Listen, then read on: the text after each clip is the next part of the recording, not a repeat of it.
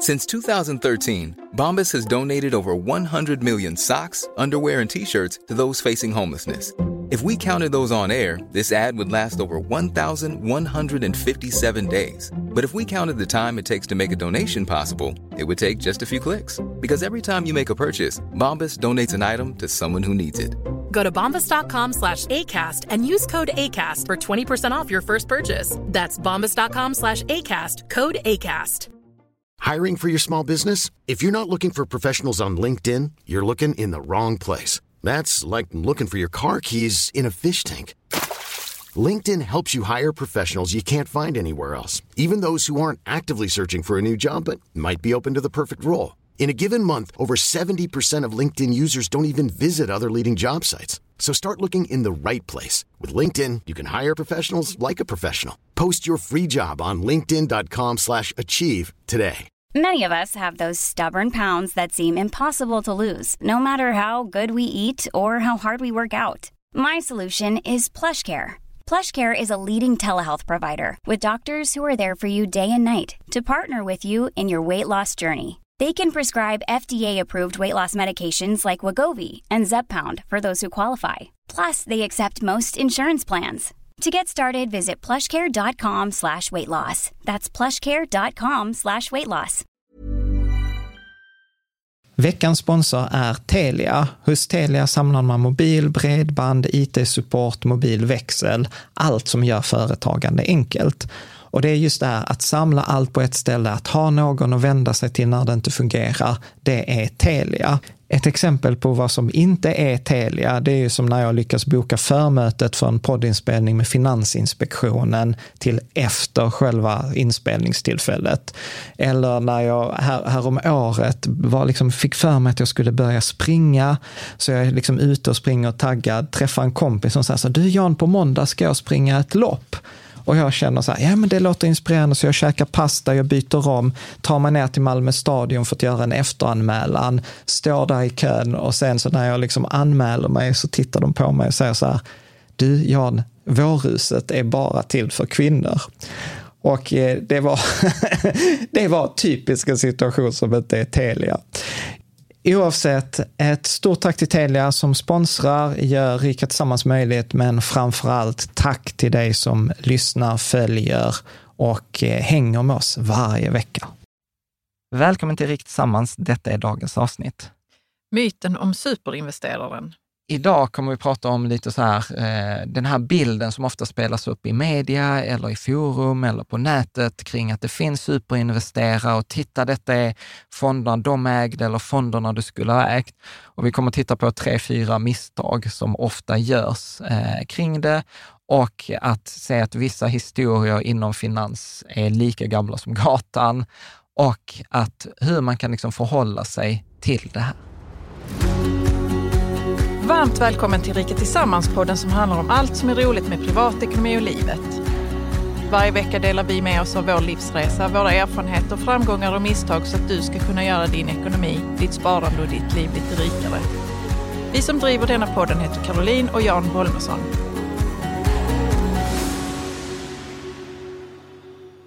Varmt välkommen till dagens avsnitt som är 319. Och eh, idag så tänkte jag att det skulle handla om lite så här myten om superinvesterarna eller myten om superinvesteringarna. Mm. Och eh, detta, kan bli ett, detta kan bli ett avsnitt i två delar, jag vet inte. Detta var ju lite, lite frustration. Jag brukar ju försöka undvika att följa med i media, eh, framförallt finansmedia. Eh, men men liksom denna sommaren eh, har det ibland varit svårt. Att, alltså, eh, var, eh, varför har det varit svårt då? Nej, men för det första så är det ändå så här, jag känner ändå så att jag behöver hänga med lite, men, men det har ju varit mycket så här, du vet experterna, tio aktier att köpa i frossan, stora utdelningar eller kurskrasch efter rapportfiaskot eller sommarbörsens vinnare och förlorare och här är aktierna som har lockat. Och det, detta, alltså de här rubrikerna. Ja, men till och med jag som inte är så jätteintresserad av ekonomi ja. känner så att jag vill klicka på det när ja, jag ser det. Ja, ja, men, mm. ja, men precis. Och detta är, detta är faktiskt bara så samling från typ ja, men två dagars mail som kommer. Och sen så har det varit lite sådana här också, ja men index, en farlig jätte på marknaden och, och det, det är över nu. De och, trashtalkar index alltså. Ja, ja, ja, gud ja. Vi har, vi har en lång tråd på forumet som, är, som heter, så det var framförallt Christer Gardell som var ute i media. Men där var en bank som tog priset som var så här, ah, men alltså det, detta är ju så fel så att jag kände mig liksom tvungen att kommentera. Mm -hmm. Och jag tänker att du ska, få, du ska få läsa det de skrev, så ska vi så Ja, ska vi här har du en slide som heter Utskick från en bank i somras. Ja. Och Så de det- skriver så här då. Ja, De som har lyckats bäst på börsen just nu kallar vi för superinvesterare. Det är alltså de som har lyckats överprestera börsen det senaste året och fått hög avkastning till relativt låg risk. Det senaste året, eh, 31 maj 2022 till eh, 29 maj 2023, har superinvesteraren haft en med- medianavkastning på 17 procent. Om man jämför det med den breda Stockholmsbörsen som under året avkastar 3,6 procent och världsindex som ligger på plus minus noll det senaste året, så blir det tydligt att våra bästa kunder har slagit börsen med hästlängder. ja. Och detta var, detta var så, när jag läste detta så var jag så här bara, va? Va? Va, va, vänta här nu, så var det så här, liksom börsindex eh, eller så här globalt, eh, värld, ja men världsindex noll. Så var jag så här, vänta här nu, detta stämmer. Antingen så är jag ute och reser, eller så är de ute och reser. Och sen så visade de liksom en, en fin graf där de hade liksom typ ett rakt streck på nollan på liksom världsindex och deras investerare då hade gått plus, eh, plus 17 procent. Mm. Grejen är så att min, min vänliga tolkning är att någon hade otur när de tänkte. Eh, för att när jag gick in eh, på då liksom och kollade Länsförsäkringar Global Index, alltså den här fonden som jag brukar prata om i normala fall, så hade den under den här perioden gått 15,7 procent plus. Ja. Så att liksom verkligheten, liksom så här, när man läste om det så blev man ju så verkligen imponerad. Så här, shit, deras super, liksom, där finns tydligen superinvesterare där ute som har gjort plus 17 procent mot index. Men när jag kollar på det så visar det sig att nej, de, om deras bästa kunder fick 17 procent och index gjorde 15,7 så slog man inte index med 17 procent utan man slog index med 1,5 procent. Ja. Och, och det, detta är sånt här som jag kan bli så, så frustrerad kring. Att liksom så här, det, är så, det är så lätt att skapa en sån artikel och, och den har egentligen ingen, ingen koppling till, till verkligheten. Men är man inte liksom, liksom om sig och kring sig och du vet så här, har den här känslan kring att det skaver, så kommer man ju inte upptäcka det här. Och då kom, Nej, nej, och det kan man ju inte heller lasta folk för som bara liksom vill nej. snabbt kolla av eh, det, liksom men sitt kolla. nyhetsbrev från den här banken. Ja, men precis. Men, eh, men jag blev så nyfiken på vilket världsindex de menar då. Ja, för det står inte heller. Och, och det är väl liksom en av de grejerna som, som vi kommer in på. Där, så ingen, det går inte att, att alltså tracea tillbaka? det, jo, det går säkert om man tar fram en lista och, och räknar räkna baklänges. eh, Liksom. Men jag tror det var Thomas eh, MH i forumet som skrev så här, men alltså det är ju som att jämföra äpplen och blåvalar. Eh, Att i det här fallet, för, och, och detta är liksom, jag tänker några misstag som man, som man ofta gör. Och här kommer vi så här, vad är egentligen den bästa lösningen på det här? Är det då att som jag börjar, vänta va, detta skaver och sen börja leta index? Nej, det bästa är ju naturligtvis inte prenumerera på de här nyhetsbreven överhuvudtaget.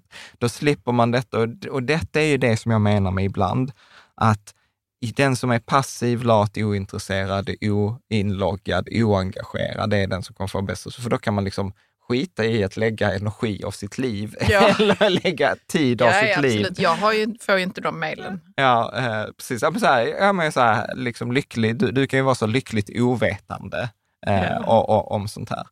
Men jag, jag, tror, jag tror att missen som har gjorts eh, här är att man har inte tagit hänsyn till eh, valutaskillnader. Nej. Så man har ge- förmodligen då jämfört ett index eh, liksom i, i svenska kronor kanske mot ett eh, USD-index, eftersom världsindex ofta är i dollar.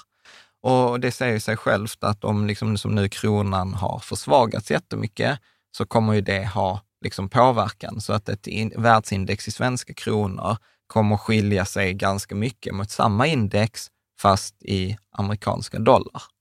Så att det, och, det, och detta är så här, då måste man liksom börja skrapa, man måste förstå detta, man måste börja skrapa på ytan. En, en annan sån här grej eh, är ju att titta på, men det här indexet som man jämför med, har det inkluderat utdelningar eller inte? Alltså för att man kan ha, man kan ha det så kallade liksom bara prisindex.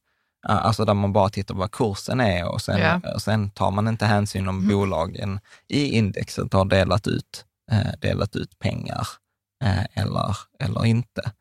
Och, och sen det andra som man också många gånger missar i de här jämförelserna, och jag har också missat detta tidigare, så att jag försöker, det är därför jag inte ens försöker hänga ut vilken bank det är. Men eh, att, eh, att det finns liksom avgifter och friktion. Alltså det är ju transaktionskostnader till exempel och sen är det ju liksom förvaltningsavgifter. Så att det är väldigt ofta väldigt svårt att få avkastningen som är index, utan det blir alltid index minus avgifter eller index minus mm. friktion. Mm. Mm. Och, och, det är därför som jag tycker att det är egentligen mycket mer rättvist att jämföra med en specifik fond. Så att därför jämförde jag nu inte när, när jag gjorde jämförelsen, eh, liksom så här, men vänta, världsindex, ja men då använder jag en fond som till exempel Länsförsäkringar Global som proxy. Eh, inte eh, liksom och här är också viktigt, när vi pratar nu i dagens avsnitt, det är inte en rekommendation av Länsförsäkringar Global, utan det är bara liksom en illustration. För att där, är liksom, där kommer allt det där med historisk avkastning, inte en garanti för framtida avkastning och man kan förlora delar eller hela sitt kapital. Så man får läsa mer om det där med risk. Men, men det är mycket schysstare, tycker jag, att jämföra med en specifik fond som jag de facto skulle kunna lägga pengarna i. Samma sak när jag jämför med Stockholmsbörsen då jämför jag gärna med en fond som till exempel SEB Sverige Indexnära eller plus alla bolag Sverige. Mm. För det är de facto en fond som jag kan få. Det är, Har jag lagt pengarna i den, eller har jag haft pengarna från, första, eller från då, vad var det, 31 maj 2022 till 29 maj eh, 2023, mm. så är det de facto 15,7 procent jag har fått. Det, för det är ju liksom efter avgifter och allt det där. Mm. Och sen finns det ytterligare massa saker man kan, man kan göra missar kring index, till exempel så här viktningar. Att ibland så ser jag ju själv också göra det ibland när jag ska förenkla. Att, ja, men, Stockholms, eh, där finns ju olika index, men till exempel så här att ja, men, eh, ett index innehåller Sveriges 30 mest likvida bolag, alltså de som handlas mest. Och så vill man gärna sätta det så här, ja men du vet, då köper man 30 av Sveriges 1000 eh, börsnoterade bolag. Ja, fast alla de tusen bolagen har ju inte samma vikt i Nej. indexet, utan eh, till exempel Atlas Copco eh, ju, har ju ofta exempel en ganska hög vikt eh, i det här Sverigeindexet. Eller vissa säger så här, men eh, köper jag eh, en fond som till exempel Spiltan Aktiefond, global, äh, Spiltan Aktiefond Investmentbolag, ja, men då har du tre bolag som står för 50 procent av innehållet i den fonden eller i liksom det här 6RX FIF-indexet. Mm. Så att det, det, är liksom så här, jag brukar alltid ta så här jämförelser med en nypa salt för att det går, det går alltid eh, liksom att fuska lite, ja. lite med där och Jag visa. känner ju alltid när du tar fram sånt här att jag vill lägga mig ner på golvet lite i fosterställning och bli så här, varför gör de så? Ja, ja, ja. Varför? Alltså det är också så att det finns en yrkesstolthet tycker jag, liksom när man. Skitsamma. Ja. Ja. Nej, men så här, storyn är ju mycket bättre att säga att våra superinvesterare slår börsen med 17 procent än att de säger att de slår att våra bästa sparare slår börsen med 1,5 procent. Ja, liksom, det är bara att jag kommer från forskarvärlden och där hade de liksom hit, sett det på en gång och bara spikat upp dig på väggen. Alltså seriöst John, det ja. är så jävla viktigt att ha på fötterna när man hävdar någonting på universitetet. Ja. Ja, ja, så ja. har jag tagit med mig det in i den verkliga världen. Där det inte är samma krav. Ja. Ja, okay. nej, nej, men precis. Så att det var, men det, var, det är fler som noterade. Det, det kom ju direkt upp en tråd i forumet som jag inte minns vem som startade, men det var så här, finn fem fel och sen i parentes, det är inte ens svårt. Liksom, kring, kring, kring, den här, kring den här artikeln. Men, Mm. det, det, men jag tyckte ändå var illustrativt. Nu fick vi ett avsnitt av det också, så att eh, man får väl vara tacksam. eh. Jo, men det satte ju igång några tankar hos dig, sa du. Ja, men det är för att... För, När de för, pratar om den här superinvesteraren. Ja, men för jag blir så trött på att det blir så här, att det framställs som att det finns några superinvesterare där ute. Eh, och, och det är väl liksom, eller att det finns superinvesteringar där ute. Och, och vi kommer till det. Eh, liksom jag ska ta några misstag först, men jag kan börja känna mig lite gubbig. Och sen blir jag liksom lite också, ja men, för, för att ibland så blir vissa som då har lyssnat på oss länge, eller så blir, så här, blir man orolig bara. Liksom, ja men du vet, vi har lyssnat på Riket Tillsammans och så har vi köpt den här indexfonden och, och det är kanske inte så som forskningen säger. Och så blir man orolig, för man läser detta och så vet man inte vad man ska liksom titta efter. Medan precis som du säger, som min forskare, jag tittade på det och jag var bara så här, va? Eh, det stämmer inte överens med min bild. Men, men då är det också så här, ja, men jag har gjort detta snart i, alltså jag insåg så här, om tre år har vi gjort detta i 30 år. Ja, Eh, och då har man lite en annan känsla. Men vi kommer till det, jag vill inte bli gubbig än i avsnittet. du är inte så gubbig än. Nej, exakt. Bara för att man kräver lite, eh, vad, vad kallar man det? Nej. Någon slags, Ja. ja. whatever. Men, Inte ens ord för det. ja. Och sen det andra som är egentligen än värre är ju så här att man, för jag, jag tänker ju alltid, det är ju vad man säger implicit. Alltså vad är det jag säger utan att säga det? Eller vad är det jag säger mellan raderna? Eller vad är det jag, jag liksom, vilket antagande är det som jag har gjort som jag upplever är sant? Och jag upplever alltid att det, det är antagandena, det är inte det som man, är, man inte vet som ofta ställer till det, utan det som ofta ställer till det i livet, det är det man tror är sant, men som sen visar sig att det inte är det.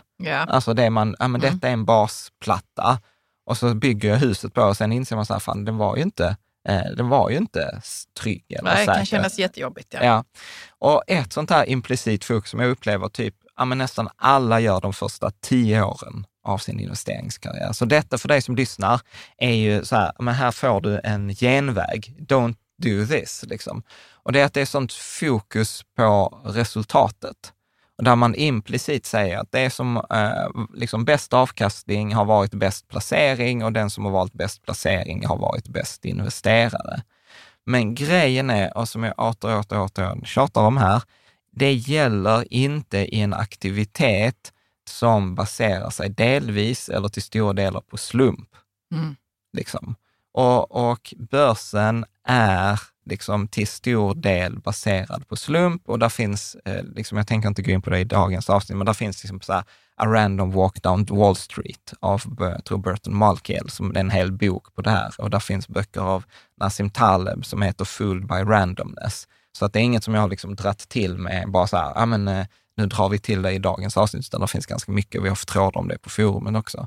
Men min poäng blir därmed att eftersom det är liksom delvis slumpmässigt och eh, så kan man, och det, detta är en sån här regel man kan ta med sig om man vill, är att du kan vinna vilken diskussion om investeringar med vilken ståndpunkt som helst under villkoret att du får välja tidsperiod. Mm. Så att så länge du får välja tidsperioden så kan du visa precis vad som helst med i princip vilken investering som helst och, och, och ta vilken ståndpunkt och säga detta var den bästa investeringen eller titta detta slog index eller detta underpresterade mot index eller detta var liksom en stor liksom rörelse. Och, och här upplever jag att det blir sånt här liksom fokus på resultat och det blir fokus på en viss tidsperiod. Så att man måste ta alltid där när, när det kommer så här, detta gick x procent i den tidsperioden. Man behöver alltid ta det med en nypa salt och jag tänkte att jag skulle använda eh, ett par bilder från Ben Carlson eh, som driver bloggen A Worth of Common Sense. Och det är inte så viktigt vad de här graferna visar, för den visar eh, fyra stycken aktier. Den visar Apple, den visar Facebook eller Meta, Nvidia etc.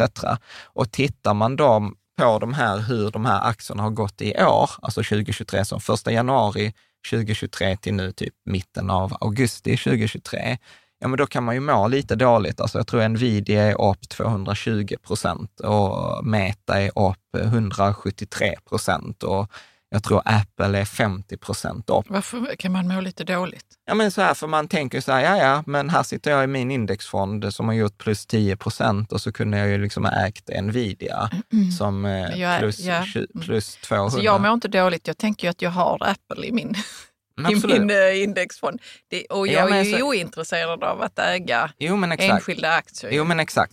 Men, men det blir ju liksom så här att i denna tidsperioden, som ändå är en rimlig tidsperiod Mm. Ja. säga sedan början av året, det är så här, det tilltalar oss. Absolut. Precis, precis som jag har en kompis, eh, Jonathan, som gillar, brukar skicka så här sms, så här, men eh, vi tar möte 9.47 eller så här 9, 9.21. Och jag var så här, bara, va? Och sen, sen tänkte jag på det, så han han har ju rätt. Det är ju liksom, det är ingen skillnad på tidpunkten 9.21 eller 9.47 eh, eller 9.30 eller 10.00. Det är ju bara att vi människor gillar runda tal. Mm. Eller liksom så här. Mm. Ehm, och, och, och så blir det ju liksom. Och då tittar man på den här tidsperioden. Men då kan jag direkt ta en annan tidsperiod och så säga så här, men hur gick det för de här företagen eh, under 2022?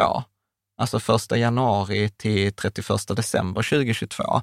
Ja, men då ser vi att samma bolag var så här minus 24, minus 50, minus 57, minus Ja. 64. Ja. Liksom.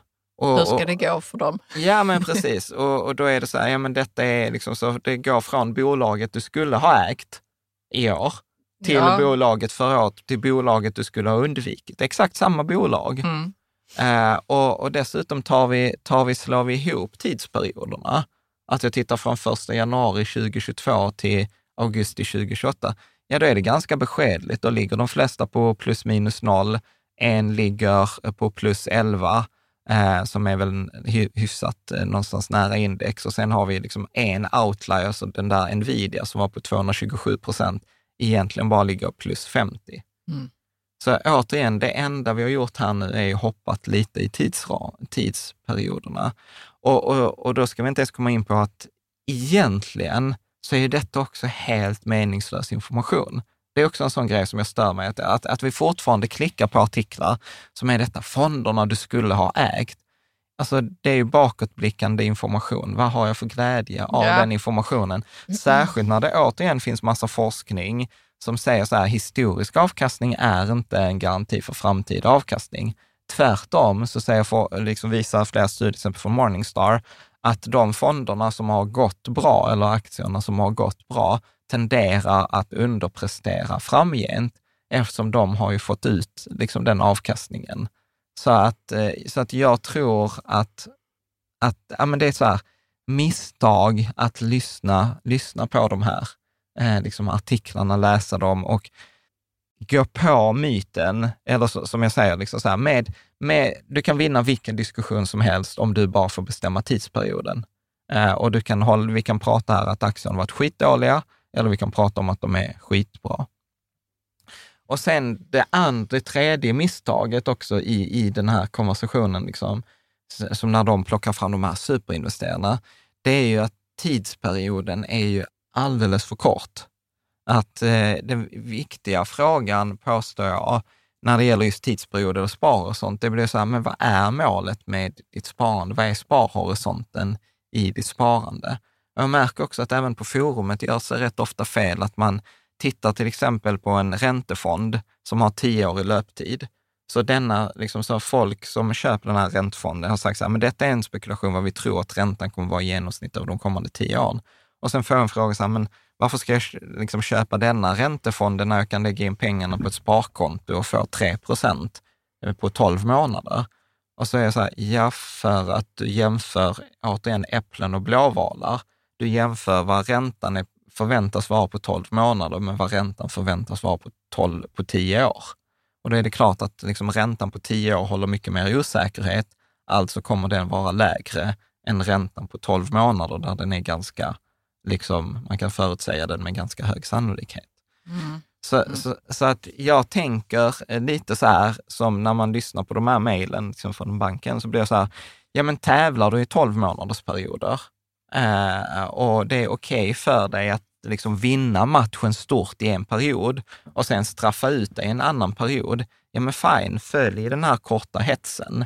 då, är, då kan man ju läsa de här tidningarna och man kan liksom följa finans-Twitter eller finans-Insta eller eh, så här. Men det är nog inte det det handlar om, Jan. Det är, alltså, det är ju en story där, där du får lov att veta så, genvägen till att bli en framgång.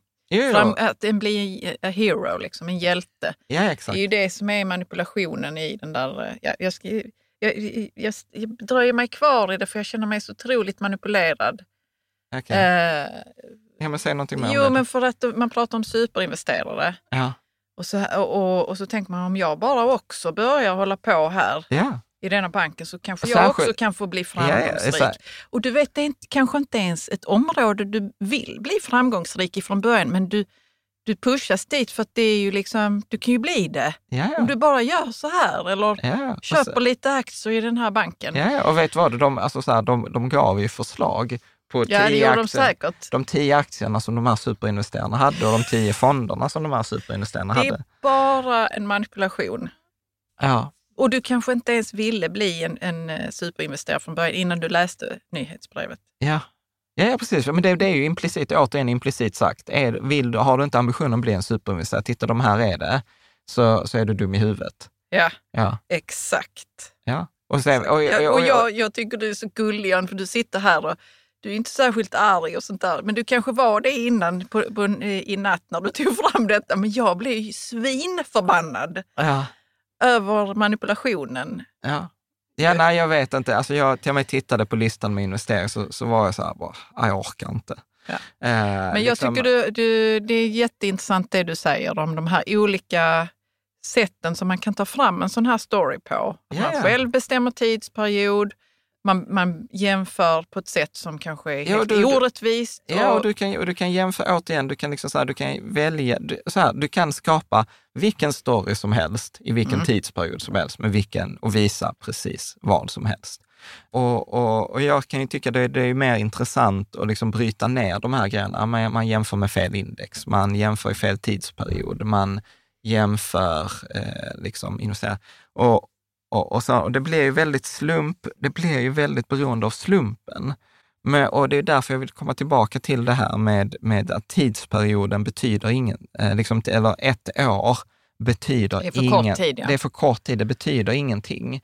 För att, alltså, om jag ska dra det till en metafor, alltså att, att jämföra, och, och, om man sparar långsiktigt, alltså det vill säga jag sparar till min pension, jag sparar för ekonomisk trygghet, jag sparar till mina barn, jag sparar för att bli för FIRE, eller eh, liksom att ha fler valmöjligheter eller min ekonomiska trygghet, så blir det för mig att jämföra på 12 månader, eller folk jämför, vissa jämför ännu kortare. Att jämföra på 12 månader, det är som att jämföra eller få en kommenta- kommentator berätta så här, hur gick det de senaste 100 meterna i ett maratonlopp? Och det fattar alla, att liksom, hur det går på 100 meter i ett maratonlopp är ganska ointressant. Där är liksom 420 100 meterslopp i ett maraton. Mm. Där är sjukt många små perioder i, en, i en, ett långsiktigt sparande. Och det är det jag tycker att man ska zooma ut. Men, men liksom det blir ju skittråkiga grafer och det blir en skittråkig story. Liksom. Och, och, här har jag liksom, och detta är en sån här bild eh, som, som jag lägger upp här nu, så du som lyssnar på detta kan, eh, kan ju bara ladda ner bildspelet eller trycka på länken till avsnitt så kommer jag lägga den här bilden. För vad jag har visat här är att jag har tagit från 1981, alltså när jag föddes, eh, för att få en rimlig storlek på bilden, fram till 2023 och så har jag plottat hur börsen gått de enskilda åren. Alltså har den gått mm, då 90, 1999 då gick börsen upp plus typ 70 procent, sen gick den ner minus 22 procent förra året etc. Och, och det blir ju staplar som är liksom hugget som stucket. De går upp och de går ner och de går olika högt och de går olika lågt. Men det intressanta var så här, jag är 42 år gammal, så om vi tar till exempel min pension, så är det så här, jag har 25 år kvar. Så jag tog de här staplarna och så gjorde jag om detta till 25 års rullande avkastning. Så jag tittade, okej, vad, är, vad är den genomsnittliga årsavkastningen på 25 år? Eller till och med man skulle kunna ta 10 år. Så kan du beskriva så här, hur ser, och så har jag lagt upp det som en li- linje ovanpå det här eh, grafen med alla de här enskilda åren. Så du kan ju berätta för den som bara lyssnar hur det ser ut. Eh, Det är ganska så... Det är nästan rakt streck Ja. nästan. Ja, det är ett rakt streck vid 8 procent. Ja. Så, så att liksom, och vi, vi kan läsa liksom vad Ben Carson, för det var, jag har snutt idén från honom, som man ska ära den som äras bör. Och Ben Carson, han är också så här blogggrann, han driver den här Wealth of Common Sense, en amerikansk eh, rådgivare. Men du kan ju läsa vad han skriver. Mm. Avkastningen på ett års sikt kan ge en känsla av glädje eller ge jättejobbiga känslor. Men påverkan på ditt långsiktiga resultat kommer att vara högst marginell, given att du inte spränger din portfölj. Ja, detta kan vi göra ett sidospår, vi har inte ens gått in på det, men detta är ju, alltså så här, det, och detta är något sånt, sånt antagande som jag glömmer bort ibland. Att vissa människor tar en sån risk att deras portfölj exploderar. Och då menar jag inte explodera i den positiva bemärkelsen, att den går jättemycket upp. Jag menar att de spränger sin portfölj, att de har inga pengar kvar. Alltså att Nej. man blir av med alla pengarna för att man har investerat i något som gick ner med 90 procent Mm. eller med 70 procent och plötsligt så har man liksom inget kapital. Man kan inte spela spelet längre. Nej. Och detta är också viktigt, för jag kommer, vi kommer återkomma till detta i slutet av avsnittet, att tricket, eller ett av tricken är hela tiden att aldrig någonsin ta en sådan ekonomisk risk att man inte kan hämta sig från den eller att man inte får sitta vid bordet. Ja. Liksom. Det kommer finnas bra år och dåliga år. Ibland fungerar allt, ibland fungerar inget. Andra gånger kommer det vara stor spridning i resultat och avkastning beroende på tillgångsklass, stilen. Strategin eller geografin. Ja, jag bara tänkte så stilen. Ja, med investeringsstilen, Ja. Mm. alltså så här, stora bolag eller små bolag, tillväxtbolag eller värdebolag. Beroende på tillgångsklass, stilen, strategi eller geografi. Det kommer alltid att finnas något att oroa sig för oavsett vad, marknad, vad, vad marknaderna gör. Förra året var det lätt att oroa sig för att marknaden skulle falla ännu mer. I år är oron att vi har stigit för snabbt och är redo för en tillbakagång. Det ligger i människans natur att uppmärksamma kortsiktiga resultat men framgång i investeringar uppnås bara när du inser att det är den långa horisonten som spelar roll. Det är de tålmodiga spararna som vinner över tid. Jag tycker det är ganska fint skrivet. Mm. Liksom. För, för att han sammanfattar ju detta, och det är det jag menar med den här bilden med, med, med staplarna. Att det spelar inte så stor roll hur det går det enskilda året, utan det som spelar roll är det här långsiktiga resultatet. Och, och det är detta som jag menar, detta vinner man liksom inte så mycket klick på. Så här, senaste årets utveckling spelar ingen roll. Liksom, håll fast vid din strategi, köp indexfonder, sitt still i båten. Liksom. Och det, det märker man ju. Alltså där, där upplever jag ibland att jag gör det svårt för mig, att jag inte skriver klickrubriker eller sånt, om jag skulle titta på så här, vad hade gett oss liksom mest pengar på, be, på bekostnad av publiken. Eh, Liksom. Nej, men om du hade velat göra en story av detta så Mm. hade det ju gått. Det är bara det att man måste visa upp helt andra familjer liksom, och helt andra investerare Ja, ja. och helt andra Jo, men det kommer ändå aldrig locka. Jo, men det kommer Nej, aldrig det kommer locka, inte locka lockar li- alla. Nej, men det kommer inte locka lika mycket som det andra. Det är ju så här, kolla, kolla hur många tidningar som har startat som har försökt vara seriösa. Och ändå är det Aftonbladet och Expressen som är störst. Eh, Ja, liksom. vi Ja. kanske gillar skräp. Ja, men vi, vi gillar, vi vill ha den här snabba, vi, det är som, som man skriver där, människan är gjord för att uppmärksamma liksom det kortsiktiga resultatet. Mm. Alltså så här, det, det är i alla områden, i träning, alltså så här, jag, jag fattar så här folk inom träning och hälsa, det är samma frustration där, så här, tre snabba tips. Och jag är så här, tre snabba tips har väl aldrig någonsin funkat, liksom, eh, i det. Och det är väl här som jag, som jag känner, som jag sa i början av avsnittet, att jag känner att jag börjar bli lite gubbig. Att, eh, att liksom så här, det som går upp kommer ner. Och, och vad, du bara skrattar åt mig. Ja, jag, jag lyssnar. Jo, nej men att vi har, en- jag jag startade en tråd i forumet som heter så här, missade du tåget för tre, fem eller tio år sedan? Ingen fara, kolla här. Och vad, vad jag visar i den här tråden på forumet, det finns en länk i beskrivningen, är ju många av de här investeringarna som var så väldigt poppis för ett par år sedan. Ja, men hur, hur, har det gått, hur har det gått för dem? Jag tänker vi ska ta några exempel och nu kan vän av ordning säga så här, nu vinner du argument på tidsperiod.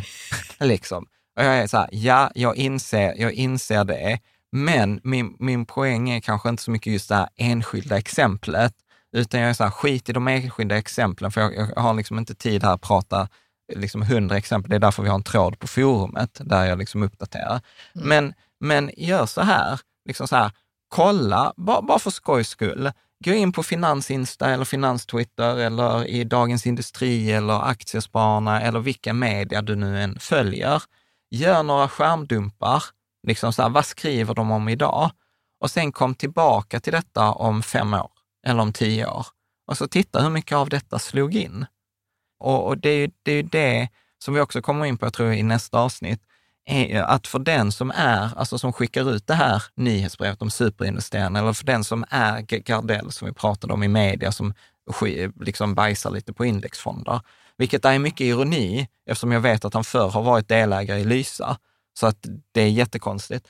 Men grejen är att göra en, en, ett uttalande i media eller göra ett sånt här, det ger dig uppmärksamhet, det ger dig gratis reklam här och nu. Och nedsidan för dig att göra det är ganska liten, eftersom det är ingen som kommer komma ihåg detta mejlet om tio år eller om fem år. Förstår du? att det, det, är liksom, det, mat, det är den där snabbmaten. Och, och, så äter vi den och sen förtränger ja, vi den. Och sen går vi vidare i livet. ja, och du, mm. du blir, du blir inte hållen till ansvar för det. Så därför fattar jag, så här, vill man ha uppmärksamhet, ja men det är bara att köra på eh, liksom i, i media. Uh, och, och sen en annan sån här grej också som jag tycker då, när, när du gör den här jämförelsen, jag kommer göra den i några. Avanza har en funktion där man kan gå in och kolla i alla fall på enskilda aktier. Hur många ägare har den här aktien och när köpte de? Alltså Aha. hur många mm. ägare fanns det i, vid olika datum? Och, och sen naturligtvis så plottar de inte det i samma graf som utvecklingen, men man kan sätta dem bredvid varandra och så kan man se så här, när köpte folk? Och vad var kursen då? Och jag tycker att det är liksom en, en fascinerande övning att göra för att detta är en insikt som kan liksom spara en tusentals kronor eller liksom man kan undvika misstag. Och, och, och, och det, och Hur ser de graferna ut då när man lägger dem ovanpå ja, men låt, varandra? Ja, men låt oss titta. Ja. Så vi kan ta till exempel här nu, nu tar jag det som är mest i media eh, just nu i, i Sverige, liksom hösten, augusti 2023.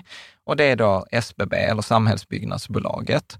Och de har ju haft en, en fantastisk resa eh, under en period. Uppemot 200 000 eh, småsparare köpte bara på den här banken. Och då ska man komma ihåg att i Sverige så kan man tycka 200 000, det är inte så mycket. Ja, men, men det är ju rätt mycket. Är det inte det? Med jo. tanke på hur få egentligen som sparar och Ex investerar i Sverige. Exakt, det var precis dit jag var på väg. I Sverige så är det ungefär eh, mellan 10 och 20 procent av befolkningen som äger aktier. Så det är mellan ja. en och två miljoner människor som äger aktier. Och av de här en till två miljoner aktier så hade mer än 10 procent av dem köpt det. Eh, liksom. Och då kan man ju liksom kolla hur, hur det har eh, gått. Och tittar man mot index, så återigen du som bara lyssnar, du kan föreställa dig ett index är ganska rakt streck och sen har du haft den här aktien som har gått liksom så här, ja men två, tre, under en period, två, tre gånger bättre än index. Och då är det inte så svårt när det pågår att ställa sig frågan så här, men är du dum i huvudet som äger index? Du kunde ju ägt det här och haft tre gånger pengarna, alltså 300 procents avkastning istället för 8 procents avkastning. Uh, ja. Ja, ja, ja, jag vet, jag vet, ja, ja men jag tycker bara det känns jobbigt med sådana här som går upp och ner. Och... Ja, ja, men, men, men liksom kolla på det och det, det, det intressanta blir det, eller om jag tar här, eh, vi tog mm. Sinch mm. som var poppis för några år sedan. Samma sak, alltså index syns knappt för det är en rak linje och jätte, jättehög eh, uppgång på den. Men om man tittar när folk köpte in sig, så har jag kollat så här, när hade de hälften av ägarna? Ja. Så att jag, jag kollade, innan de började gå upp där i 20, 2019, då hade de 4 000 ägare. Eh, sen gick de upp, så tittade jag så här, när, när hade de eh, liksom hälften, alltså av, på max hade de 100 000 ägare. När kom liksom hälften in? Ja. Ja, då kom alltså hälften in efter att toppen hade passerat. Så hälften av ägarna i Sinch kom in efter att toppen hade passerat och var med på nedgången. Liksom på det här. Ja, de fick vara med på nedgången, ja. Ja. Och, och, What a ride! Ja, men och, och, det är ju detta som jag menar, så att det, det blir till och med så här också när man pratar om, titta, detta har gått upp. så bör man ju dessutom ta hänsyn till, okej, okay, när köpte folk det? För du kan vara back i en investering som har gått jättemycket upp. Life is full of awesome what ifs and some not so much, like unexpected medical costs. That's why United Healthcare provides Health Protector Guard fixed indemnity insurance plans to supplement your primary plan and help manage out of pocket costs. Learn more at uh1.com. Hey, it's Ryan Reynolds, and I'm here with Keith, co star of my upcoming film, If, only in theaters, May 17th. Do you want to tell people the big news? All right, I'll do it. Sign up now and you'll get unlimited for $15 a month in six months of Paramount Plus Essential Plan on us. Mintmobile.com slash switch. Upfront payment of $45 equivalent to $15 per month. Unlimited over 40 gigabytes per month. Face lower speeds. Videos at 480p. Active Mint customers by 531.24 get six months of Paramount Plus Essential Plan. Auto renews after six months. Offer ends May 31st, 2024. Separate Paramount Plus registration required. Terms and conditions apply if rated PG. Hiring for your small business? If you're not looking for professionals on LinkedIn, you're looking in the wrong place. That's like looking for your car keys in a fish tank. LinkedIn helps you hire professionals you can't find anywhere else, even those who aren't actively searching for a new job but might be open to the perfect role. In a given month, over 70% of LinkedIn users don't even visit other leading job sites. So start looking in the right place. With LinkedIn, you can hire professionals like a professional. Post your free job on linkedin.com slash achieve today. Och detta är ju det som också är så här ganska komplext resonemang. Men de flesta har sämre avkastning än investeringen de investerar i. Och det är också en sån grej, hur, hur, mm. kan, man, hur kan man ha sämre avkastning än investeringen man investerar i? Jo, för att man tajmade fel. Alltså det hade vi, och detta är också så här, varför jag känner mig gubbig, en, liksom, här visar jag det med SBB och visar det med Sinch, som är ganska nära i tid. Eh, man kan visa det med ARK, den här fonden med Katie Woods som var jättepoppis för några Hennes år sedan. Hennes nyhetsbrev får jag, ja. men och, jag läser aldrig det. Nej, och det är samma sak där. Att jag tror att det, det var någon eh, tidning, New York Times, eller någon som visade att ja, men majoriteten av investerarna i hennes fond ligger back. Och så tänker man så här, ja, ja men eh, detta var en eh, ny företeelse. Då är det så här, Peter Lynch, eh, tror det var så här 1976 till 1989 eller alltså, något sånt. Alltså typ på 70-80-talet. Jag kan ha fel, jag, kan, jag har fel på årtalen. Men i alla fall, han hade en fond som hette Magellan under yeah. 13 år. Yeah. Under de här 13 åren, den här fonden gjorde i genomsnitt 28 procent eh, om året. Det vill säga att satte du in typ 100 000 så hade du över, jag tror, ja 1,3 miljoner. Alltså det var så här bisarrt mycket pengar på, på ett par år. Men eh, Fidelity räknade fram att den genomsnittliga spararen i Magellan förlorade pengar. Återigen av exakt samma anledning, för man köpte vid, liksom när köper man de här grejerna? Jo, när man får de här jävla nyhetsbreven, förlåt att jag svär, och då köper man dem redan när toppen har passerats. Så att man, du kommer ju alltid, när, när det kommer i media, så är det för sent. Ja. Och då är, du ofta, då är du ofta med här som de deläg, majoriteten eller mer än hälften av delägarna i SBB eller mer än hälften av delägarna i Sinch eller de här är ju med bara på nedgången. Och, och det är det jag menar med gubbighet, att detta är ju en story som är gammal som gatan. Alltså det har ju varit så här sedan 70-80-talet yeah. och det kommer vara så här, om vi gör ett avsnitt om tio år, så kommer jag kunna ta nya exempel från om tio år där exakt samma sak har hänt. Mm. Och det är där jag menar, så att till dig som lyssnar eller så här, ja men inse att detta är så som människor fungerar och, och du behöver inte vara med i detta spelet. Nej. Och, och liksom behöver du bevis för att liksom så här, nu, de här alla är ju tillbaka där index är bättre. Så om du bara har suttit från liksom innan det steg till efter det har fallit, så ja, du har sluppit hela den här uppgången och fallet och fått en bättre avkastning med din indexfond. Och detta gäller liksom i princip allt som har gått upp jättemycket. Så här, Länsförsäkringar fastighetsfond. Mm. Har varit så här, Jan, du är dum i huvudet, så här, varför rekommenderar du inte Länsförsäkringar fastighetsfond? Eh, den har gått upp eh, 600, när den var på toppen, så har den gått 600 procent upp mot index 200 procent i, i, samma, i samma period här, som jag tror var tio år.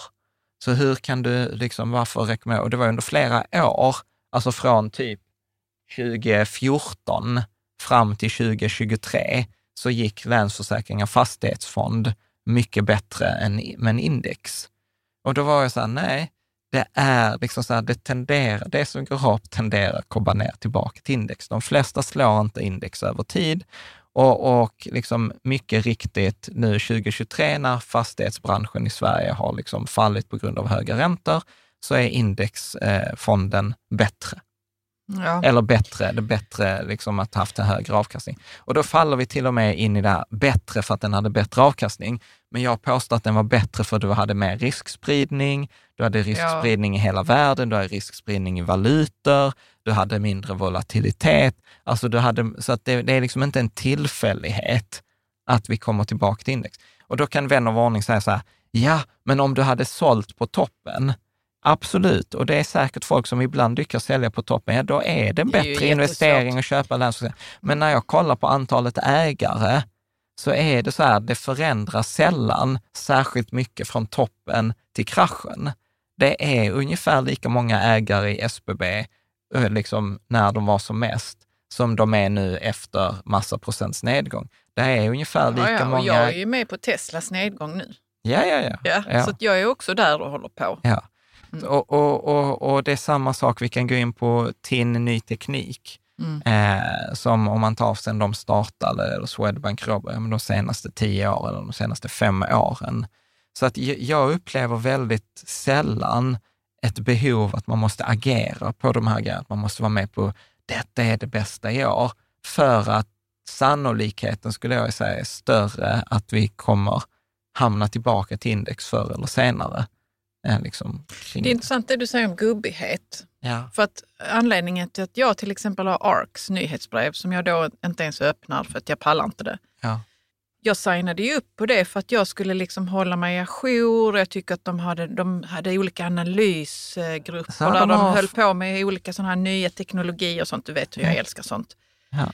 Du vet framtiden är ljus och sånt där. Men de har fantastisk jo, men story. då är det antitesen till att vara gubbig eller gummig. Liksom. För att då håller nej, jag mig, nej, nej. håller mig liksom nej, ajour och jag är med. Syftet. Förstår du vad jag menar? Ja, men återigen, alltså så här, om vi tar ARK. Fantastisk story. Fantastisk story. Eh, så här, vi håller koll på de fem disruptiva teknologierna ja, precis, ja. som kommer mm. att förändra mänskligheten för alltid. Exakt. Du vet så här, det är AI, det är robotics, det är liksom eh, custom eh, läkemedel. Läkemedel, ja. ja och det är ny, ny energi. Mm. Och du vet, och det är ju det som är i ropet, vet, det ger massor av marknadsföring. Plus att hon är kvinna, också en mansdominerad. Du vet, så här, det var så mycket som var bra. Och jag ska vara så här, jag ska inte vara någon jävla asshole här, att, eh, förlåt, alltså det, är så mycket, eh, det är så mycket svordomar idag, men det är för att jag blir så engagerad i frågan. Jag har ju också så här, i Patreon hade vi en föreläsning, vi lyssnade med, med Katie Woods och jag blev också wooad av, av henne. Det enda jag, tack och lov, gick det ju inte att sätta pengar i hennes fond när den var som mest poppis. Och där kan man väl också så här skratta lite eller gråta lite att, ja men då har vi en storbank som tog in Katie Woods fond till Sverige när då? Jo, men efter att hela uppgången och nedgången har, har skett. Mm. Och, och, mm. och, och, hon kämpar och försöker fortfarande för så här, äh, det kommer gå bra. Och, och, och hon har ju hamnat liksom också så här spektakulärt fel med Nvidia eh, till exempel. Så det visar ju så här att det går inte, det går inte långsiktigt förutse marknaden. Det kan nej, ha nej, tur men vad jag försökte peka på var det här behovet av att känna att man hänger med. Liksom. Ja, men det är skillnad och, och, på att hänga med och behöva lägga pengar på det. Ja, det är det jag menar. steget man kan... mellan är inte långt, jag tror jag inte. Nej. Nej. Och, och, då är du ju med på riktigt ju. Ja, jag fattar ja. det. Och det är därför jag brukar ibland då säga så här, men låt oss ha en lekhink. Så där du kan få göra ja, de här spekulativa eller så, så hittar grejer. jag något annat område där jag får hänga med eller känna att ja. jag inte håller på att bli gammal eller whatever. Ja, liksom. absolut. Kanske inte bara med mina vi, pengar. Nej, och vi gillar, vi gillar de här storiesarna. Alltså vi hade ju detta, vi har inte pratat om det på det, men vi hade ju det här med LK99. Där har vi en supraledare i rumstemperatur. Eh, och liksom hela liksom nörd, nördinternet var ju superengagerat i det där ett par dagar. Och sen var det andra gubbiga forskare som var så här, nej, vi pallar inte med denna hypen. Det kommer en sån här artikel om året. Eh, det kommer sannolikt inte vara någonting. Och alla bara så, ja men det är nya tider nu och kolla videon och kolla den här ryssen Ja, och jag som kan har säga gjort så det. att jag går på det varenda gång det är nya, nya upptäckter nu. Ja, Också för att jag gillar den typen Ja. av stories. ja, visst, och det kom en artikel i Nature typ i förrgår där de hade löst det så här, nej det var inte supraledare, det var ferromagnetiskt och så förklarade de att det, Ja. det var fel. Eh, och då var forskarna, alltså så här, jag som kan känna igen mig, jag var så här, det dröp nästan i bakgrunden på Nature att liksom sa att, äh, vad var det vi sa? Eh, liksom. Ja, men då ska vi lägga till att Nature, som Ja. är världens mest prestigefulla eh, Ja. tidskrift för Ja. eh, vetenskap, de hade varit de första att publicera. Första att publicera om det hade varit en superledare. Ja. Så att, Så att eh, det kan de, de, de kan absolut ha, ha Ja. åsikter om att det inte var en sån, men ja, Ja. nu var det inte det som var ämnet idag. Nej, så, så att jag, vill, jag vill på intet sätt säga att jag, att jag är bättre eller har varit bättre, utan jag har också gjort de här. Och det är därför jag liksom kan idag hålla mig undan Sinch och SBB och alla de här. För att jag känner igen det från 99, då det hette Ericsson, eller Anato, eller Flyme, eller Northland Resources, eller Icon Media Lab, eller Framfab. Och jag har varit där och härjat i alla de här och förlorat pengar. Mm. Så att det är kanske så att man måste göra den här resan för att Ja, liksom i SBB. För att kunna inte- känna igen när det kommer tillbaka. Ja, Mm. och, och det kommer liksom bli så här även i framtiden. Och sen ett av de liksom, sen, sen misstag också, vi ska ta så här sista, är ju att, att det man ofta glömmer är ju där survivorship bias. Att eh, det här som vi har, att väldigt förenklat så kan man säga så här, ah, men titta jag är superinvesterare, det är enkelt, alla kan göra det. Och sen så glömmer man bort, ja men där är 99,9 procent som inte lyckades, som försökte göra samma sak. Och bara för att du lyckades och du var den där 0,1 procenten, så betyder inte det att alla kan göra det. Det kan betyda att du faktiskt bara hade tur. Mm. Och, och, och vill, vill man ta den lite mer seriösa eh, approachen så finns det ju till exempel det här eh, från andra världskriget då man liksom formaliserade det där med survivorship bias, där man tittade på bombplanen som kom tillbaka från räderna och sen prickade man in var de var skadade. Liksom Mm. någonstans. Ja, men de var så här på ytterdelarna av vingen eller i liksom mitten av eh, flygplanskroppen eller på stjärtfenorna. Och så tänkte man så här, ja men vi behöver förstärka där, för att det är där de blir skjutna. Men grejen är att det är ett misstag att tänka så, eftersom detta är ändå faktiskt planer som kom tillbaka. Ja, Med som inte de hade här- blivit fatalt skjutna. Ja, så att det är ju mycket smartare om du ska liksom förstärka det här flygplanet, så behöver du inte förstärka där hålen var på flygplan som kom tillbaka. Du behöver nog förstärka de vita områdena där det liksom inte kom tillbaka någon, något flygplan med träff. För det är förmodligen där de har blivit träffade och det har blivit så fatalt att de inte har kunnat komma tillbaka. Mm. Eh, till, så, så, att, Ja. ja. så, att, så att lägga liksom fokus och, och, och, och många de du hör om, det är Kornukopian, bloggaren, han brukar alltid prata så här, tysta vittnenas kyrkogård. Du hör ju inte om alla de här som förlorat pengar i SBB, utan du hör ju liksom om den där ena personen som i så fall kom Ja, ur det. ja precis. Eller den där superinvesteraren som var superinvesterare i denna korta perioden. Och det är också en sån här grej som jag stört mig på. Eh, liksom en annan bank hade då eh, eh, en sån här eh, socialt sparande där man kunde titta så här, detta är de bästa investerarna, detta är det de ägt. Och jag följde det ett tag och sen så började jag göra skärmdumpar och så var jag så här, men kommer den här personen som är i topplistan nu vara på topplistan om tre månader? Eller sex månader eller tolv månader? Och vid ett tillfälle så trodde jag att jag skulle bli utslängd från banken, för jag drog ner alla deras där 25 000 investerare och vilket resultat de hade, för att jag skulle göra detta automatiskt.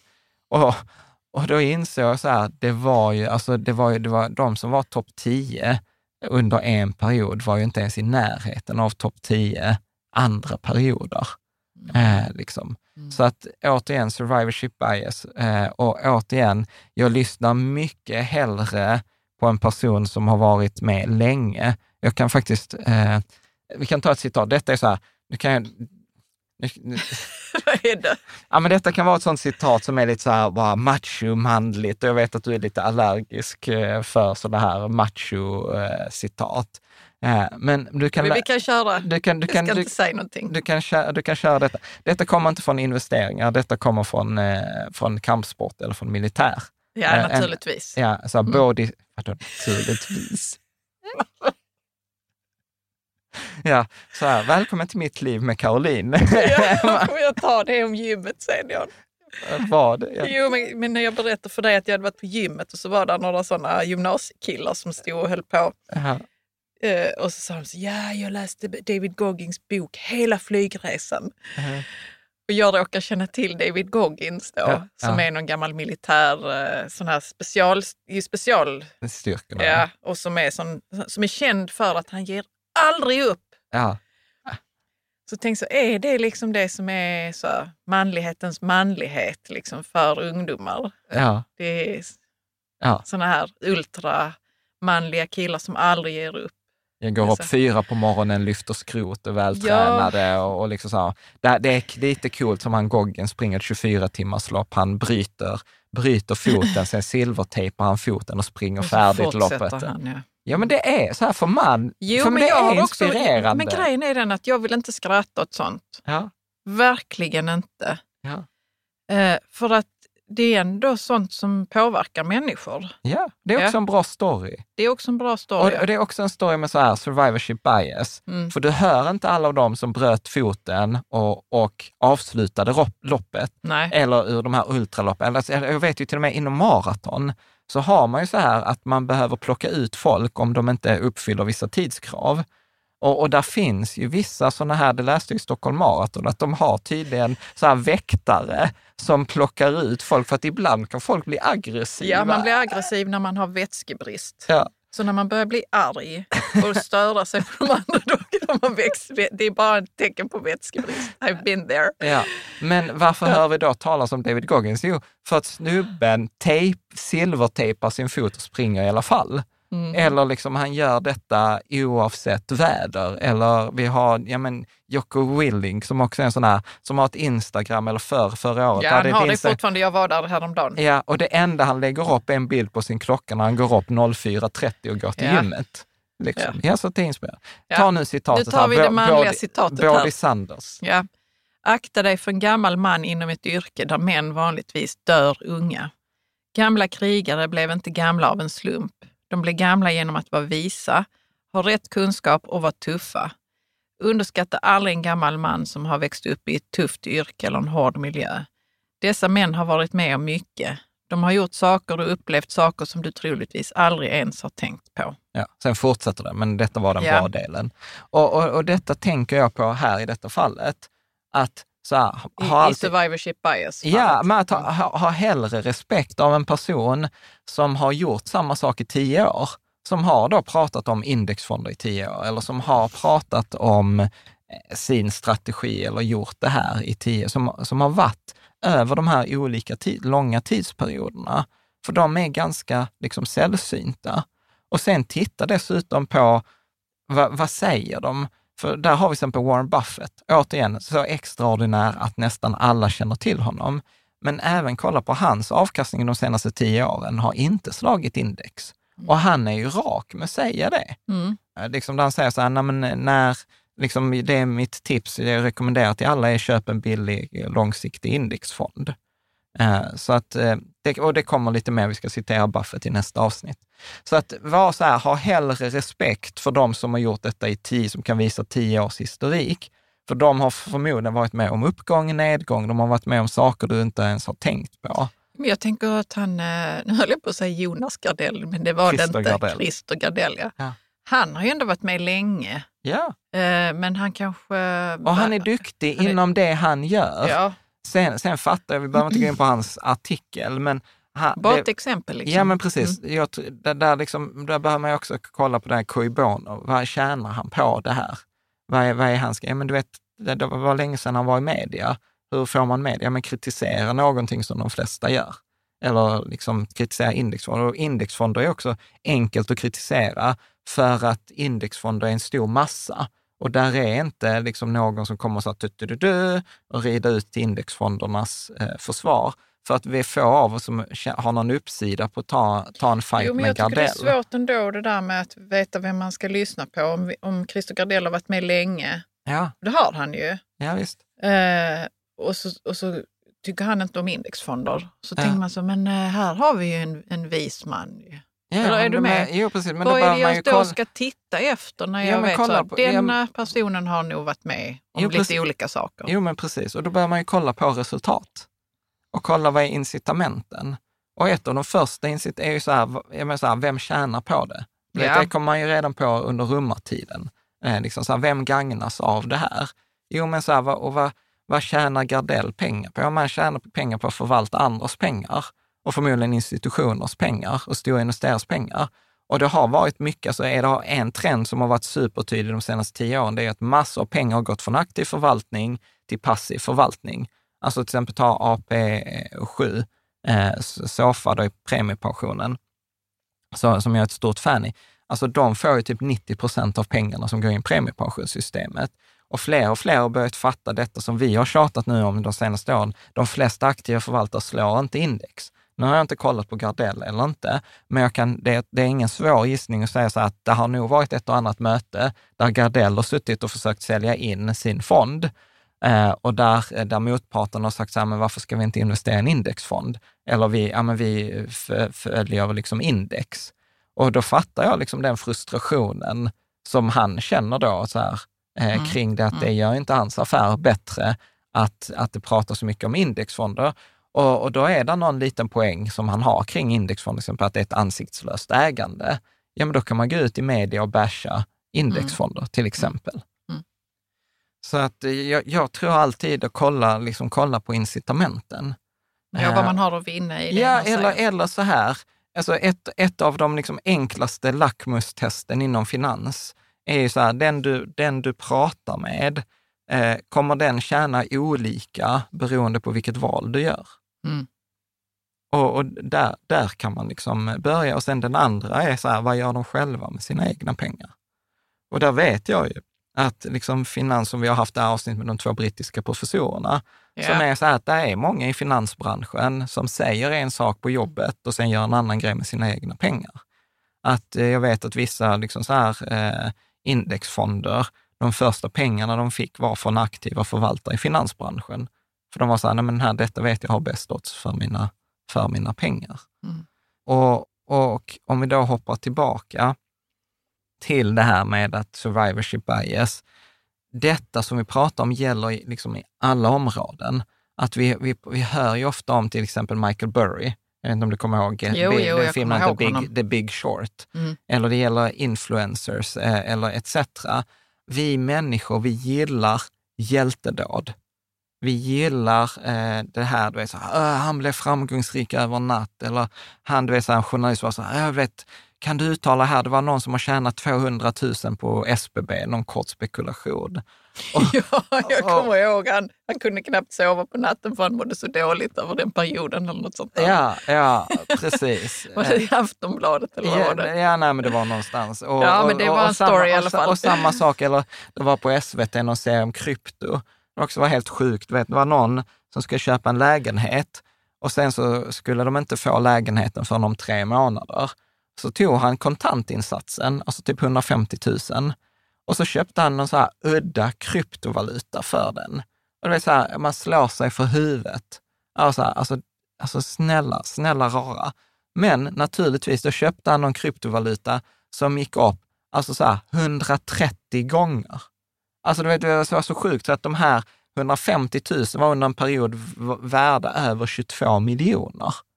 Ah, och det är åter- återigen så här, va, hur kommer det sig att vi berättar detta nu? Jo, för det kom på SVT, det kom filtre, för det har filtrerats i så många led, för det är så extraordinärt hjältedåd. Ja, att, va- att, ja. att, att det blir sjukt. Men vi hör ju inte, vi pratar ju inte om alla de där 99 andra som hade tagit kontantinsatsen och liksom spekulerat bort den och sen varit skyldiga pengar banken, var att skulle köpa lägenheten och inte kunna flytta in. Alltså det är så här, där det, det är seriösa problem Ja. för att de är på tysta vittnenas kyrkogård. Ja. De filtreras inte upp, för det är ingen kul story liksom. Och jag, vi måste säga någonting om Michael Burry, för han är ju rolig också. Eh, för att han, blev ju så här superkänd efter finanskrisen, för han var ju typ ett, ett av tre team som förutsåg eh, finan, den här subprime-finanskrisen. 2008. Ja, tjänade massor pengar. Återigen, en så bra story att det blev en film eh, om det. Men sen har han ju fortsatt göra sina sådana förutsägelser som, eh, som han gjorde innan så här bostadsmarknaden kommer krascha. Och återigen, så här, det blir ju ett sätt för honom att få reklam. Eh, och då är det en person som heter Adam Koo på Twitter, som då har sammanställt Michael Burrys förutsägelser sedan 2015. För Michael Burry har ett ganska roligt Twitterkonto. Och då är han liksom så här, december 2015, crash is coming in a few months. Maj 2017, global financial meltdown is coming. Eller september 2019, det är en bubble i index ETF, Då fick vi göra, till och med göra ett avsnitt så här, för det var, vi fick så mycket frågor. Michael Burry har sagt att indexfonder är dåliga. Liksom. Eh, februari 2021, eh, market bubble crash is coming. Eh, september 2022, more, more failure is coming. Eh, nu augusti, så här, ja, med korta index. Och då kan man fråga sig, så här, hur har börsen gått då sedan 2015?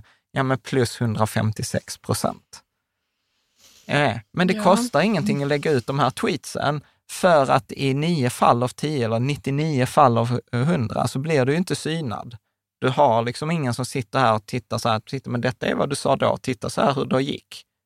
Eh, så kostnaden, kostnaden är väldigt eh, lite. Jag tror det var Barry Ritholtz som skrev om detta. Han skrev så här, prognosmakare som har gjort en korrekt avvikande förutsägelse, alltså de har förutsett finanskrisen, tenderar att fortsätta göra fler avvikande prognoser. Och B, vad som är värre, är att de här tenderar att bli tagna på allvar av alla andra, för de hade ju rätt en gång innan.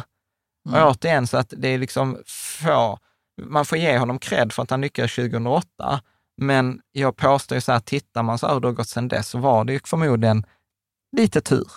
Eftersom det var- verkar ju inte ha haft rätt i någon av sina förutsägelser sedan, sedan dess. Och detta är inte bara Burry. Den här undersökningen har man gjort på förvaltare, återigen ända tillbaka sedan 80-talet.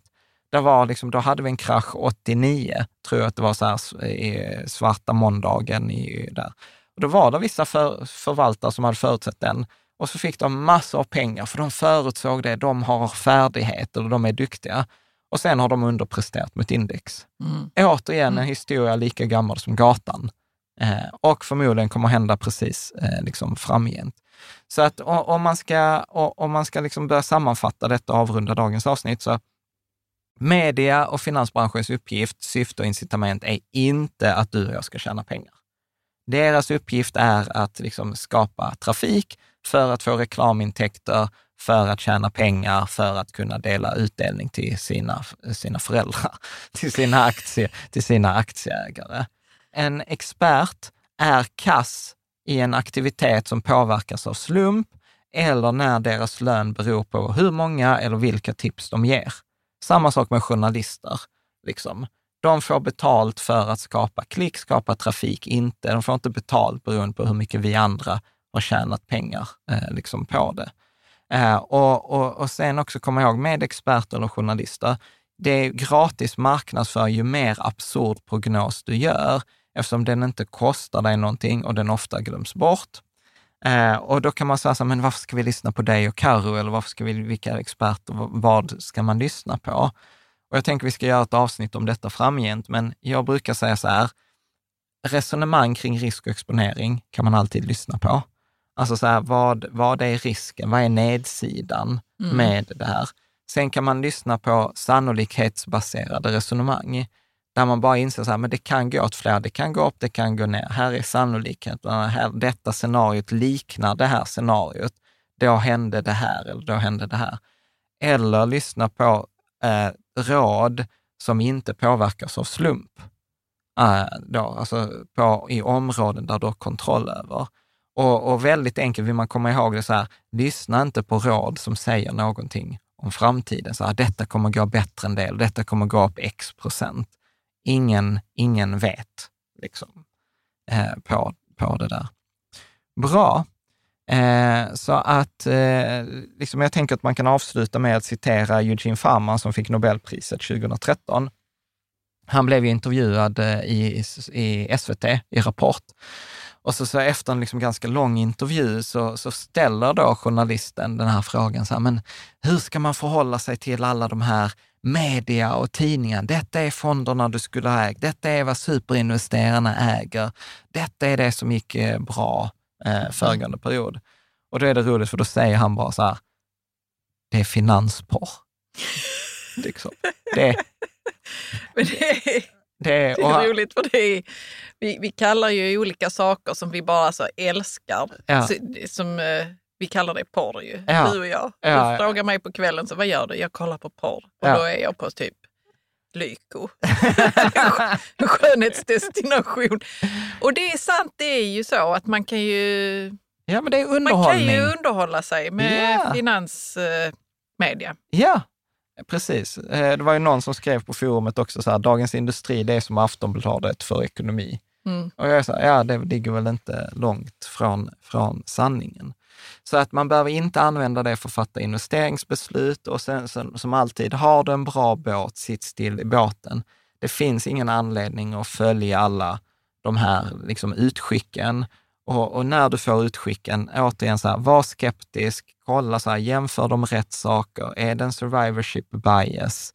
Eh, vem tjänar på det? Vad är, vem, vad är agendan? Vad är incitamentet med det här? Är detta en sån här eh, grej som är återkommande? Eh, att det är helt, det är helt okej att vara lite gubbig och det är också helt okej att göra misstagen. Alltså om jag ska ta till exempel vår dotter nu. Hon ska faktiskt gå på sin första så här, unga aktiesparare-träff. Eh, ska, Jag vet inte riktigt vad hon ska göra där John. Det är ju för Berätta. Nej, men jag tycker det är skitbra, alltså så här, för hon har ju bara hört om ekonomi från oss. Ja, Och ja, där det kommer det vara så här, hon Mm. kommer vara yngst fortfarande och hon gör det själv, det är inte jag. Jag föreslog det, men hon tackade ja. Hade hon sagt nej hade jag inte tvingat henne. Eh, och, och det- jag vet att hon kommer, där kommer att prata om enskilda aktier och de kommer att prata om allt det här. Men där är ju också så här, gör, låt henne och liksom om du har barn eller en anhörig, så här, gör misstagen. Var med på de här SBB eller Sinch, men var det med lite, lite pengar. Du behöver inte satsa din pension eller dina FIRE-pengar eller liknande för att, för att få den här insikten. Mm. Utan gör det för att hänga med, gör det för att... Ja, alltså liksom- verkligen, det räcker ju med lite pengar för att man ska må dåligt. Ja, ja men precis. Jo, men det gör det ju. Ja, men för att lära sig. För att återigen, jag vill inte sitta på någon hög häst här. Jag har gjort exakt de här misstagen. Och sen kan jag ibland tycka så här, men jag har gjort misstag, lyssna på mig. Men så är det vissa, vissa saker kan inte läras, vissa behöver upplevas. Mm. Eh, så att jag har empati med det. Men, men jag är så här, men åtminstone jobba med, återigen ett råd, du kan påverka till 100 procent. Du kan påverka din allokering till 100 procent. Det är ingen som tvingar dig, du måste sätta x procent av dina pengar i den här spekulationen. Nej, don't do that, utan samla på dig den här erfarenheten, titta på den här tråden, missade du XXX-tåget, så nästa gång någon säger så här, du måste köpa detta. Och här kan jag göra en förutsägelse om framtiden. Jag tror nästa sån här grej kommer vara de här AI-företagen. Att, vi, att det kommer vara så här, oh, titta, nu kommer de här AI. AI-teknologin, liksom, Ja. där man använder AI Ja, för att... ja, och det, jag lovar, det bättre. det kommer komma någon AI-fond och den kommer säkert gå jättebra i en period. Så jag kan ju ibland i mina mörka stunder fundera så att man kanske ska vara med bara på den första delen av resan, men liksom tills innan det vänder. Problemet är att en sån som jag, om vi tar det här exemplet med han med krypto, alltså hade jag dubblat mina 150 000 till 300 Du 000. har inte satt in 150 000. Nej, men om, jag, om vi säger så att jag hade haft ja. hjärnsläpp Ja. och gjort Mm. det. Jag hade ju ändå aldrig hängt med till de där 22 miljonerna. Nej, du hade med- inte pallat det. Nej, jag hade inte pallat och jag hade tagit ut dem långt innan dess. Och en person som hänger med till 22 miljoner kommer ju hänga med från 22 miljoner ner till noll. Mm. Det går liksom inte att vara så här, ta bort, så här, ah, men bara häng med en bit. Nej, för att det, den psyket man har för att palla uppgången är samma psyke som gör att man kommer vara med på nedgången. Så det går liksom inte att cherrypicka som när jag, liksom, jag lurar mig själv när jag tror så här, men jag kunde köpa eh, AI, nästa AI-fond eller nästa så här finans-Twitter-grej och vara med på uppgången och sen sälja innan peak. Men jag säger, det kommer inte att gå. Lura inte dig själv. Och det är väl liksom Jonathan, en kompis då, säger så här, eh, Feynman sa att eh, liksom, lura inte dig själv och du själv är den som är enklast att lura. Mm. Grymt! Ja. Jag tänkte vi avslutar, eh, avslutar där. Vad, Ja. vad tar du med dig? Ehm, ja, men det här nyhet, nyhetsbreven liksom. I, i- men jag blir ju jättearg för den där, där de inte kunde skriva ut ens vad det var för världsindexfond de hade. Alltså det är oseriöst. jag vet jag fastnar ju ibland på vissa saker, sen så är det, tänker jag jättemycket på det. Ja, ja, ja, Ja, nej, men eh, inga sådana nyhetsbrev, för jag vill ju inte ens följa med i det. Liksom. och det behöver inte vara nyhetsbrev, det kan vara kollegan på jobbet eller taxichauffören eller grannen eller forumet. Man kan eller prata om ekonomi, men man behöver ju liksom inte agera. agera på alla de Nej. Ja, men det är en bra, det är en som bra avslutning. Mm. Stort tack till dig som har hängt med oss idag och lyssnat och tittat. eh, Och hoppa gärna in i diskussionen i forumet. Där finns jättemycket och där är det ofta så här, man behöver inte vänta för två veckor för att få svar på Christer Gardells eh, där, utan det ofta sker ganska mycket i realtid. Och då blir man, jag kan ibland uppleva att jag blir tangentbordskrigare. Eh, där. Stort tack, Tack. och så ses vi.